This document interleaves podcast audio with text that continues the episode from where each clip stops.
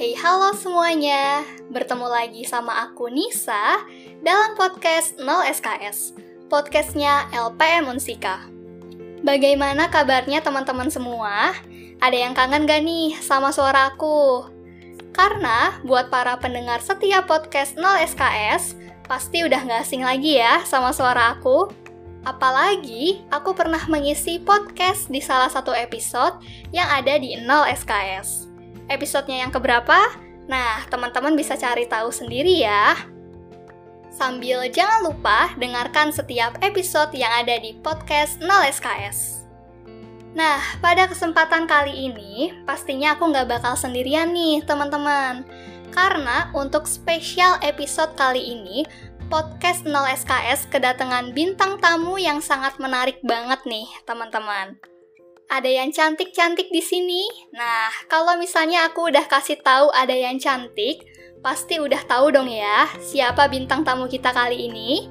Penasaran? Kayaknya langsung aja kali ya. Aku langsung kasih tahu kalau di episode spesial ini aku akan bersama salah satu duta Universitas Singapura Bangsa Karawang tahun 2021. Ada Kak Alda di sini. Halo Kak Alda. Halo Nisa. Wah, gimana nih kabar Kak Alda hari ini? Alhamdulillah sehat baik. Kabar Nisa gimana? Wah, sama. Aku juga baik banget nih, Kak Alda. Dan udah nggak sabar banget buat ngobrol langsung sama Kak Alda hari ini. Oh iya, kalau aku boleh tahu, kesibukan Kak Alda saat ini ngapain aja nih, Kak? Untuk saat ini sih kuliah sih, karena udah mau masuk semester 7 Nah, karena sekarang udah mulai memasuki liburan semester kuliah nih, aku pengen tahu dong, Kalda, biasanya aktivitas seorang duta unsika ngapain aja sih kalau lagi liburan? Kalau aku sih lagi liburan saat ini ya, karena sekarang tuh di program studi aku lagi persiapan buat kegiatan KKN atau kuliah kerja nyata. Jadi uh, kebetulan besok itu udah mulai pendaftaran jadi aku lebih sibuk ke arah sana aja sih persiapan kira-kira mau ngambil judul judul apa terus mau sekelompok sama siapa paling ke arah sana aja sih Wah, menarik banget ya. Kalda udah mulai mempersiapkan KKN-nya nih. Dan sama seperti topik pembicaraan kita kali ini juga nih, Kalda, yang gak kalah menarik. Karena di sini kita bakalan ngobrol seru aja, ngobrol santai gitu, seputar serba-serbi mahasiswa ambis apalagi ngobrolnya sama Duta Unsika. Kayaknya asik banget ya obrolan kita hari ini. Nah, ngomong-ngomongin masalah ambis nih, Kak Alda, kita pasti tahu ya, kalau istilah ini udah nggak asing banget buat kita, apalagi buat para mahasiswa. Pasti juga teman-teman yang lagi dengerin podcast kita sekarang udah sering banget nih denger istilah mahasiswa ambis. Entah itu dari teman sendiri atau mungkin dari sosial media. Dan kayaknya Kalda juga udah pernah denger ya istilah mahasiswa ambis ini. Kalau misalnya aku boleh tahu nih, ambis itu sebenarnya apa sih menurut pandangan dari Kak Alda?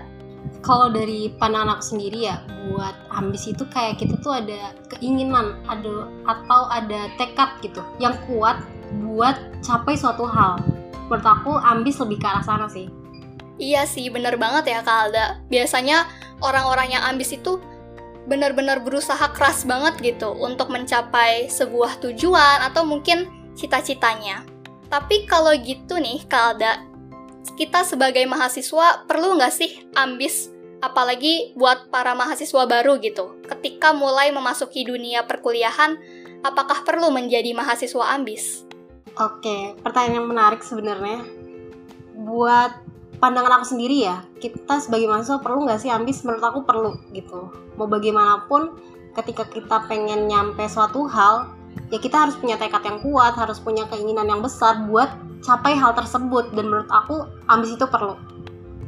Benar-benar aku setuju juga nih sama Kalda apalagi dalam kehidupan ini pastinya kalau nggak ambis kayak gimana gitu ya? Kayak ada nggak sih tujuan hidup yang mau dicapai gitu? Kan kita pastinya harus berusaha nih supaya cita-cita kita atau tujuan kita nih bisa tercapai dan biasanya dengan sikap ambis lah nih kita bisa mencapai itu semua. Nah, Kak Alda nih, karena tadi perlu banget nih ya mahasiswa itu mempunyai sifat yang ambis, perlu nih menjadi mahasiswa ambis. Menurut pandangan kakak nih, menjadi mahasiswa ambis itu salah atau enggak sih? Tadi kan Kalda bilang perlu, tapi sekarang ada lagi nih karena kita sering banget denger respon dari mahasiswa ambis itu kan biasanya negatif gitu ya. Apakah salah ketika kita menjadi mahasiswa ambis? Oke, kalau menurut aku nggak ada yang salah gitu. Kalau misalkan mahasiswa ambis itu dipandang dari segi yang negatif, mungkin ada beberapa uh, oknum atau mungkin ada beberapa mahasiswa yang ambis ini menggunakan uh, apa ya dirinya sebagai mahasiswa ambis dengan cara yang salah gitu. Karena menurut aku se sesuatu yang berlebihan dan gak seperlunya itu memang gak baik gitu. Jadi menurut aku ambis dengan cara yang benar gitu. Tidak menjatuhkan orang lain atau merendahkan orang lain atau mungkin bahkan ambisnya sampai berbuat curang itu kan udah ke arah yang negatif ya makanya menurut aku kalau misalkan ambis dengan batas wajar seperlunya gitu menurut aku itu gak, gak ada yang salah kayak gitu Wah, setuju banget nih aku sama Kalda. Bener banget ya, buat teman-teman pendengar juga perlu diingat nih, bahwa menjadi ambis sebenarnya nggak salah kalau caranya emang nggak salah, ya kan? Apalagi kadang ada kan orang yang ambis tapi seimbang gitu antara hidupnya, antara teman-temannya itu semuanya seimbang. Jadi ambisnya itu malah memberikan respon yang positif gitu. Tapi ada yang sebaliknya juga. Nah, Kak Alda, karena tadi nih kita berbicara mengenai salah atau enggaknya menjadi mahasiswa ambis, ada nggak sih cara atau mungkin tips dari Kak Alda nih supaya kita bisa menjadi mahasiswa ambis yang positif, mahasiswa ambis yang bisa seimbang hidupnya gitu. Oke, okay. mungkin tadi udah aku sempat singgung sedikit ya. Itu yang pertama tuh seperlunya dan sewajarnya aja gitu buat capai uh, sesuatu yang uh, kita inginin gitu. Pokoknya uh, gue harus bisa ini poin A, poin B, poin C, mungkin kayak gitu. Terus yang kedua, ketika kita pengen ambis atau pengen dapetin suatu hal itu yang harus kita uh, tekenin ke diri kita gagal itu gak apa-apa. It's okay. Semua orang pernah ngalamin kegagalan. Jadi uh, ketika kita ngerencanain pengen dapat sesuatu ingat gagal itu gak apa-apa. Terus selanjutnya kalau misalkan kita pengen uh, jadi mahasiswa ambis yang konotasinya tuh baik, benar, menurut aku contohnya gini, kalau misalkan kita dikasih tugas secara kelompok, ya kita kerjainnya secara bersama-sama gitu karena baik lagi ya kalau ke arah yang negatif tuh kadang lebih dipandang individu individualis dan uh, lain sebagainya gitu. Makanya kalau misalkan ada tugas kelompok ya dikerjain bersama gitu. Ayo kita uh, dapat nilai yang bagus bersama-sama secara per kelompok. Kalau misalkan dapat tugas yang sendiri atau mandiri ya kerjakan gitu. Tapi bukan berarti kita nggak mau bantu uh, teman seperkuliahan kita ataupun uh, teman-teman yang lain kayak gitu sih kalau dari aku. Wah menarik banget nih tips-tipsnya dari Kalda. Jadi oh iya bener juga nih ya kita harus bisa peduli sama lingkungan sekitar kita ketika menjadi ambis. Tadi juga contohnya ketika kerja kelompok gitu ya. Tetap ya teman-teman dikerjainnya itu bareng-bareng. Jangan karena kita mau nilai sempurna sendiri ya udahlah ngerjainnya sendiri aja punya kita aja gitu. Yang lainnya nggak dikerjain itu jangan. Jadi kalau misalnya kita mau menjadi mahasiswa ambis jangan egois. Tetap peduli sama sekitar kita lingkungan kita atau teman-teman kita gitu Nah, karena tadi udah dikasih tahu nih tipsnya dari Kak Alda, sekarang aku mau tanya nih Kak Alda. Karena tadi aku nanya tips menjadi mahasiswa ambis yang positif, biasanya ada nggak sih dampak positif ketika menjadi mahasiswa ambis? Oke, dampak positif ya. Menurut aku ada banyak gitu. Mungkin aku uh, dari sudut pandang aku ada beberapa. Yang pertama tuh kita jadi tahu rasanya berjuang buat keinginan yang kita sendiri pengen capai. Itu yang pertama. Terus yang kedua jadi tahu rasanya gagal. Kalau misalkan sesuatu yang kita inginin itu uh, akhirnya kita nggak dapat atau gagal. Yang ketiga kita jadi lebih menghargai sebuah proses gitu. Jadi kita nggak uh, bukan orang yang nilai dari sebuah hasil aja gitu. Jadi kita bisa lihat uh, proses perjuangannya, uh, proses uh, semangat kita naik turunnya atau uh, nikmatin segala tantangan-tantangan yang udah kita laluin kayak gitu sih. Oke. Nah, karena tadi aku udah nanya mengenai dampak positifnya yang banyak banget ya. Tadi Kalda juga udah jelasin. Kalau misalnya kita berbicara positif, pasti ada negatif nih, Kak Alda. Boleh dong aku mau tahu nih, menurut Kak Alda biasanya apa saja sih dampak negatif menjadi mahasiswa ambis? Oke, kalau negatif uh, dari mungkin yang aku temuin sehari-hari ya, itu pertama sifat individualisnya gitu kayak kita tuh jadi lupa kalau sebenarnya kita tuh makhluk sosial yang saling bergantung sama sesama manusia atau mungkin sesama uh, tumbuhan, hewan dan makhluk hidup lainnya gitu. Itu sih ke arah negatifnya kalau dari sudut pandang aku. Oke, jadi emang biasanya kalau menjadi ambis tuh ngerasa kita tuh bisa sendiri gitu, sampai nggak peduli sama lingkungan sekitar kita mungkin itu yang bisa yeah. coba kita perbaiki ya Kalda.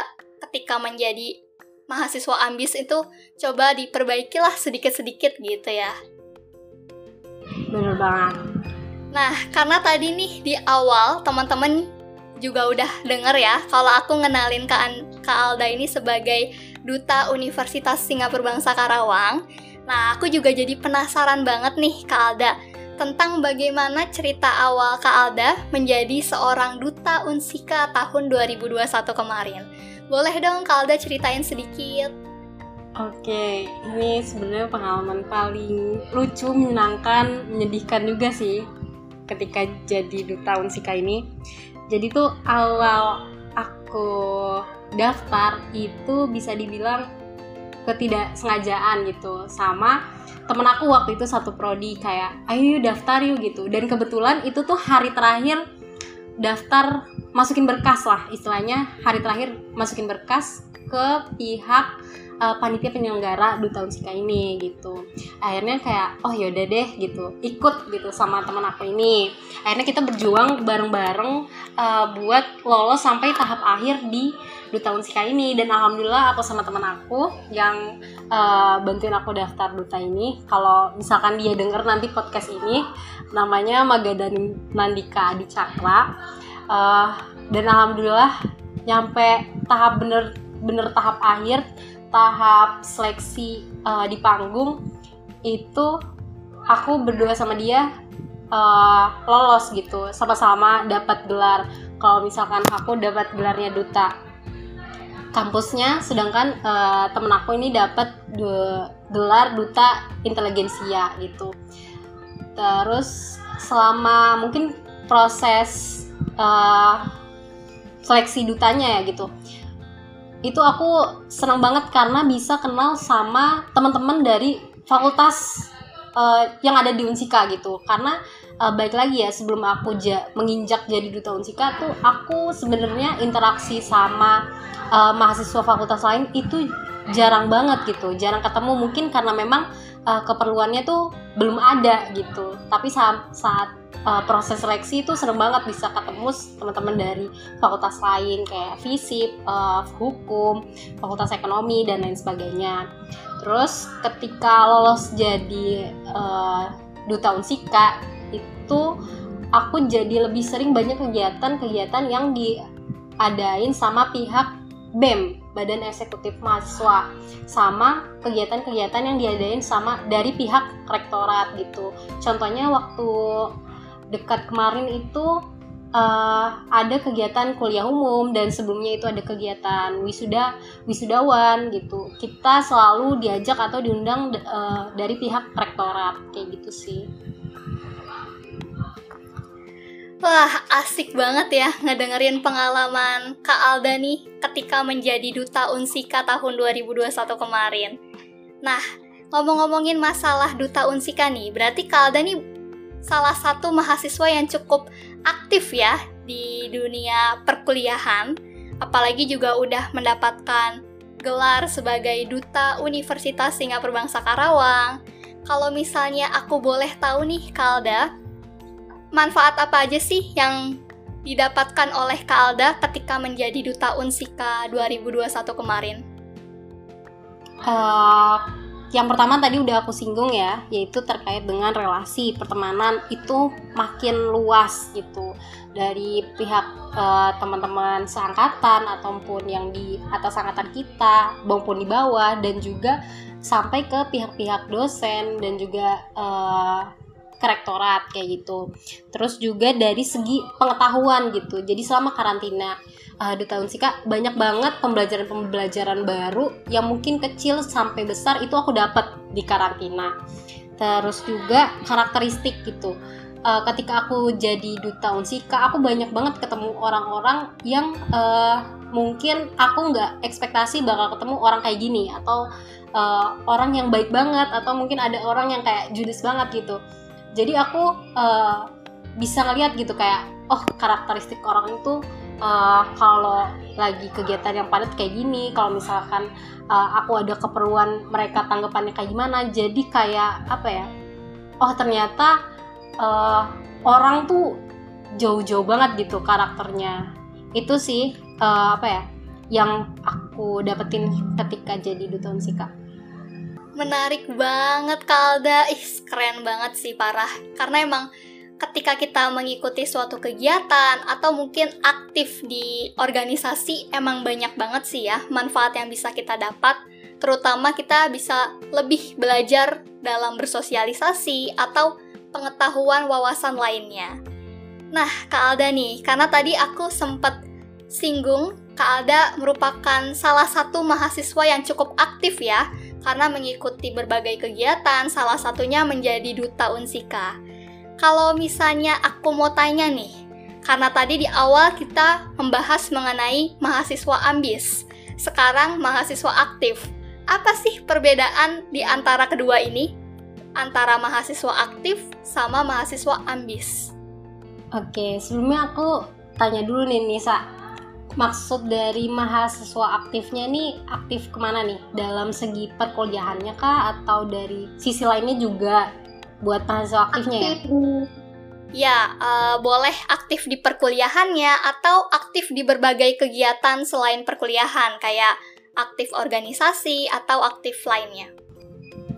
Oke, menurut aku aktif sama ambis ambis ini tuh nggak berbeda ya kalau dari segi pandang aku ya. Karena kayak aktif ya keperluannya apa gitu. Pasti ada suatu hal yang pengen dicapai gitu atau yang diinginkan gitu. Mengapa alasan kita aktif tuh pasti ada alasannya gitu. Dan ambis pun uh, istilahnya kan pengertiannya kita pengen dapat suatu keinginan atau mungkin uh, ada harapan lah yang pengen kita capai gitu. Menurut aku nggak ada hal yang berbeda gitu karena balik lagi aktif pasti kita punya tujuan tersendiri untuk kita mau aktif kayak gitu sih Oke, benar banget sih. Aku juga kalau misalnya ditanya perbedaan menjadi mahasiswa aktif sama mahasiswa ambis itu hampir sama ya, karena kita ambis ingin mencapai tujuan, kita juga aktif ingin mencapai tujuan. Tapi mungkin kalau misalnya Mungkin aku ada tambahan sedikit ya. Boleh banget nih Kalda, apa tuh tambahannya? Boleh? Boleh, boleh. Untuk mungkin tadi dari segi perkuliahan ya, mungkin dari segi organisasinya menurut aku tuh juga sama gitu. Kalau misalkan uh, mahasiswa-mahasiswa nanti nih atau mungkin mahasiswa angkatan uh, 2022 yang baru mau masuk uh, menurut aku ya bahwa nanti dia condongnya ke akademik atau organisasi atau mungkin yang lainnya atau mungkin keduanya menurut aku uh, perihal aktif ini uh, sama ambis itu uh, gak jauh beda balik lagi ya ketika di organisasi kalau misalkan kita aktif pun sama gitu mau aktif untuk dapat apa. Misalkan kita suatu saat nanti mau jadi pimpinan di organisasi tersebut ya kita memang harus aktif gitu agar ya baik lagi uh, ada yang lihat gitu atau mungkin uh, di jurusan tersebut bagaimana. Jadi menurut aku aktif sama ambis baik di perkuliahan maupun di organisasi wow ataupun nantinya di dunia kerja itu baik lagi ya. Tujuannya tuh masih satu arah Bener banget nih, Kalda. Aku setuju banget ya.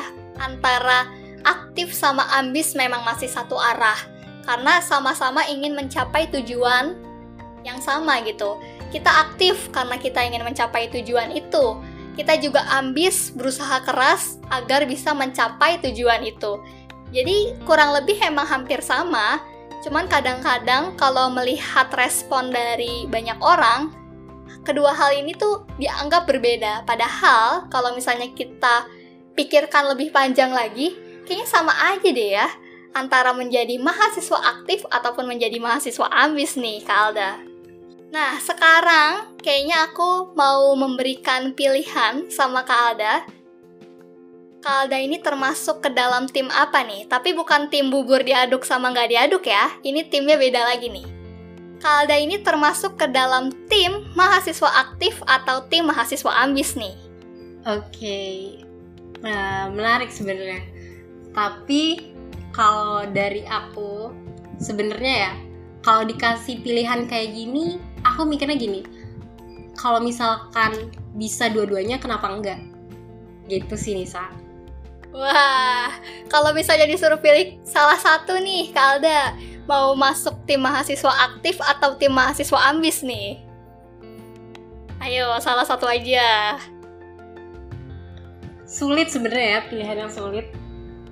jadi menurut aku, aku bakal lebih milih jadi mahasiswa aktif sepertinya. Jadi tim mahasiswa aktif ya, Kalda ya?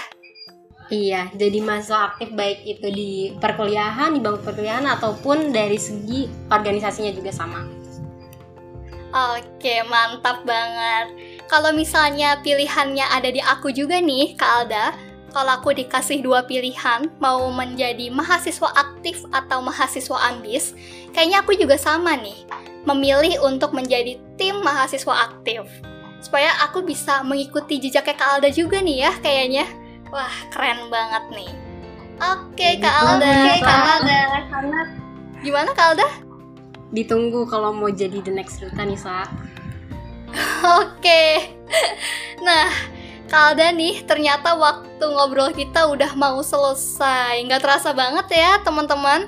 Ngobrol sama Kalda ternyata seseru itu. Bisa nggak ya nih nambah satu jam lagi gitu ya? Tapi takutnya Kalda ada kesibukan lain di hari ini. Jadi kayaknya langsung aja nih kepada Kalda aku memberikan kesempatan untuk closing statement atau pesan yang ingin Kak Alda sampaikan buat teman-teman pendengar podcast kita kali ini. Silahkan Kak Alda. Oke, okay. kalau dari aku mungkin penutupnya gini, kalian entah nanti pilihannya jadi mahasiswa aktif karena dari tadi kita membahas mahasiswa aktif dan mahasiswa ambis ya.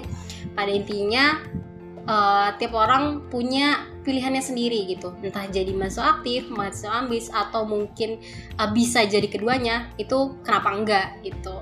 Terus yang terakhir ya pesan-pesan nih dari aku itu jangan pernah biarin waktu yang kita lewatin saat ini tuh jadi sia-sia.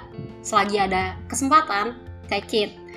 Waktu nggak bisa diulang karena yang nantinya di akhir cuma ada penyesalan kayak gitu sih Asik, thank you banget nih Kalda untuk hari ini. Keren banget, asik banget ngobrol sama Kalda. Jadi pengen next time tuh kita undang lagi Kalda buat ngobrol lagi seputar hal-hal menarik lainnya. Sekali lagi aku ucapkan terima kasih banyak buat Kak Alda yang sudah menjadi bintang tamu spesial kita di episode kali ini.